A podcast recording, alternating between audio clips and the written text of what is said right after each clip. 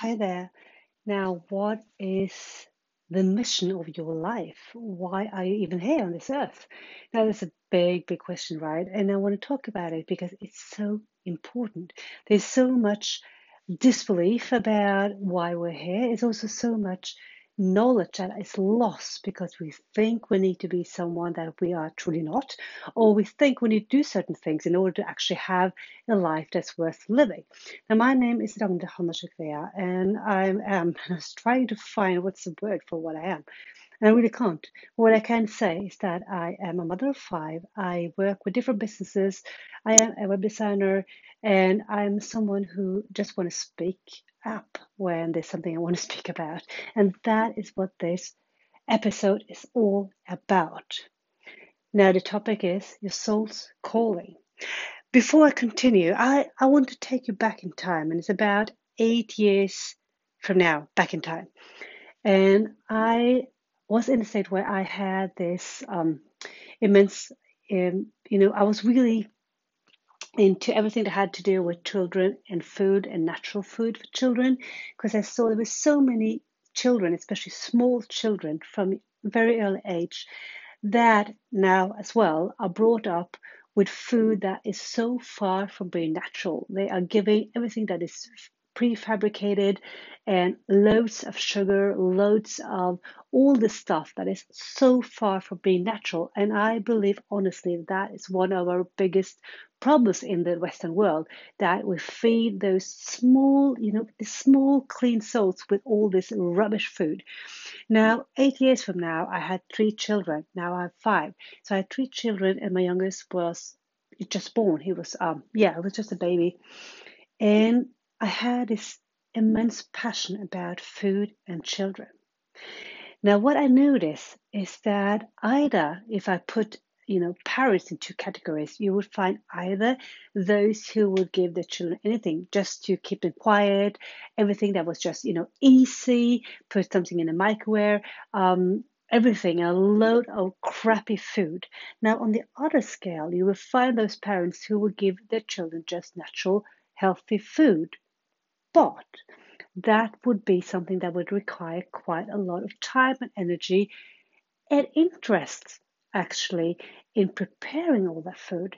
And then I found myself somewhere in the middle. So I, I was passionate about giving my my my small children at that time you know, the most natural food I can find. But I didn't want to spend a lot of time in the kitchen. That was one thing. And secondly, I didn't have the economy to buy all this extra green stuff. So I was like, okay, how do I do this? So I found my own way in preparing and serving super simple, super easy, super fast, and all natural food. Now, what we, what I um, noticed as I was doing is it became a passion to communicate this to more people.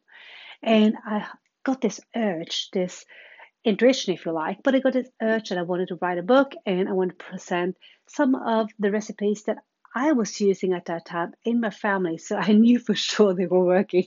And I knew for sure that my children, and at that time, my oldest was uh, four years old and the youngest was two and a half, and I knew they were eating it. So I had them as my proof. And my husband loved the food, and it was super easy, super fast, and delicious. So I had this idea, and not only that, I had this urge to write this book. But you know what happened? That little gremlin came sneaking in and told me not that I couldn't write a book, but it told me that, well, you know what? You need to have a proper education to actually speak about food and nutrition and children and food. You can't just write a book. What if someone will say, is that right? What if someone will question um, your expertise and so on? So I started to doubt myself, and still I had an immense urge to write this book. And as I had this struggle in my head, I was taking all the pictures, you know, I was taking pictures as I was creating the food.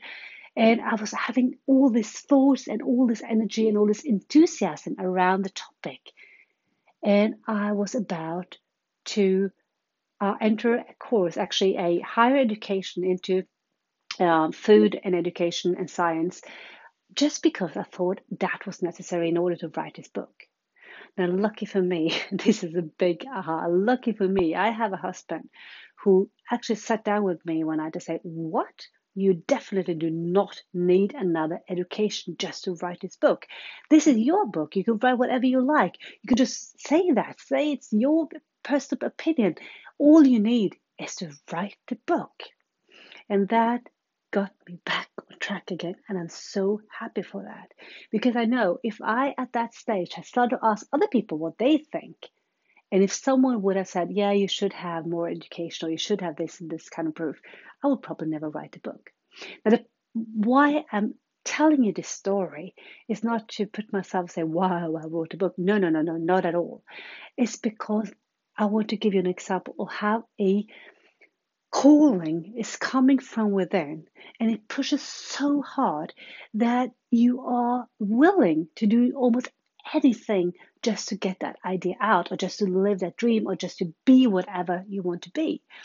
So when I got that kind of like knowledge that way, I, I do need to write this book, but I don't need to have any, you know, educational uh, whatever uh, to do that.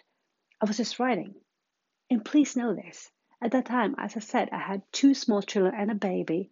I had absolutely no economy to write a book. So every every picture was taken by me, all the text was taken by me. I, I made a whole um, the whole design, and I found this really cheap uh, publishing company um, in Hungary, where we were living at the uh, at the moment, just to make the whole process as cheap as absolutely possible because I didn't have any money to invest in this. All I knew is that I wanted to have this book out. Now, when it comes to that calling, and one of the things, this is my personal opinion, is that if you have a calling, it can't be about earning money. Money is a tool, it's a result, but it can never be the end goal. Now think of this. Now let's say you earned, you know, millions and millions. Well, that's just money. That's a piece of, um, you know, something that you can use to have the life you maybe want. But money can never be the end goal. It can just be a result and a resource. So a soul's calling or a calling comes from within and it's about something else. So in my case, I knew it was not and never have been about selling tons of books and become famous. Even the thought of it just made me laugh because it was it was not nothing that um, you know made me inspired by that thought. But what made me inspired was the thought that I want to spread something. I want to spread a message. I want to spread my own experience.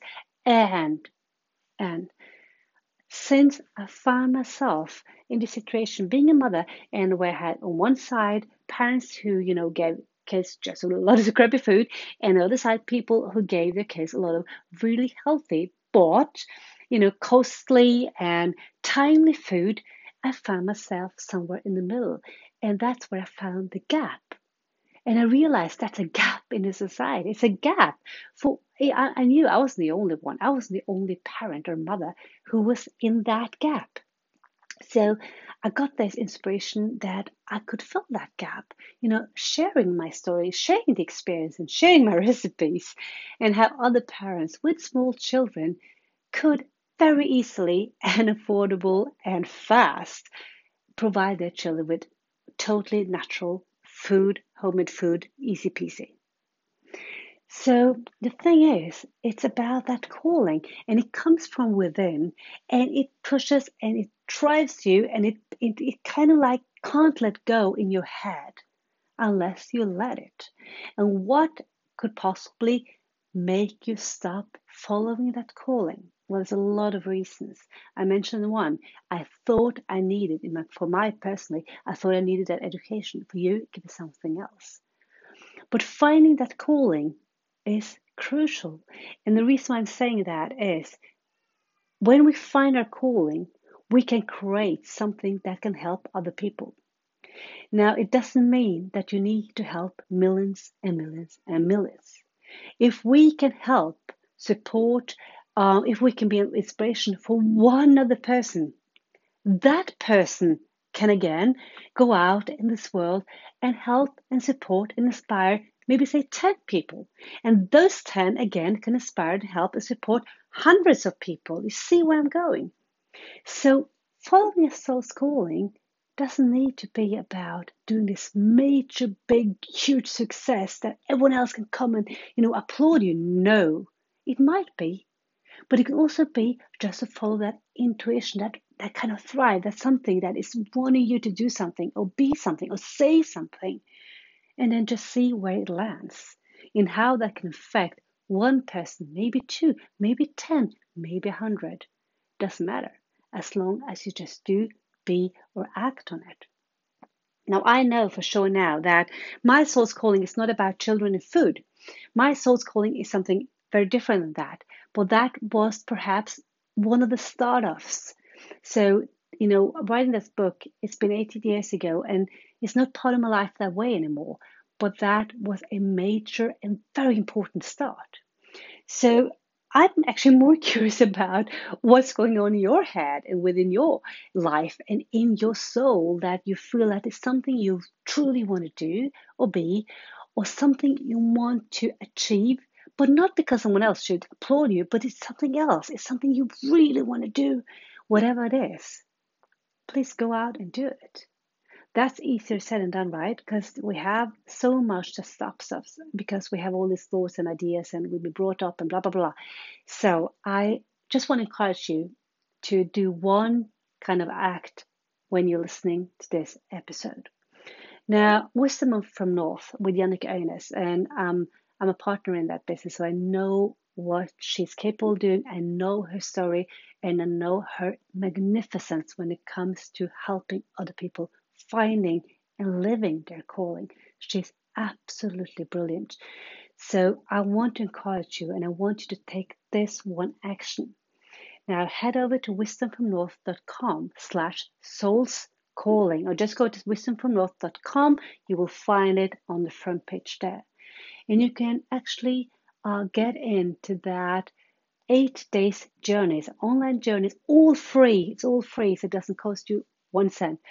And you can learn so much more about what is a soul's calling and what is probably holding you back at this moment and how can you go beyond that and start living and being whatever your soul is calling for you to live and to be. So that's what I want from you or for you by sharing my, you know, a little story from eight years ago.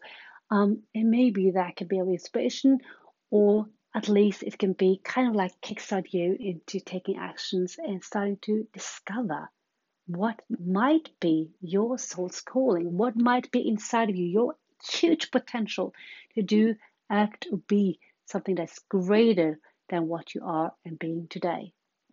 So, again, um, I really encourage you to go to wisdomfromnorth.com and to enter that, um, that's an eight days online journey with Jannike Øines. And I said, she is absolutely brilliant in this. She knows what she talks about. She has been interviewing over 400 transformational teachers from all around the world about all the big topics. And of course, Soul's Calling is one of them. So this is a treat. This is a one time wonderful opportunity that I encourage you to actually take. So I hope this was useful. I hope this was inspirational. So, till next time, bye bye.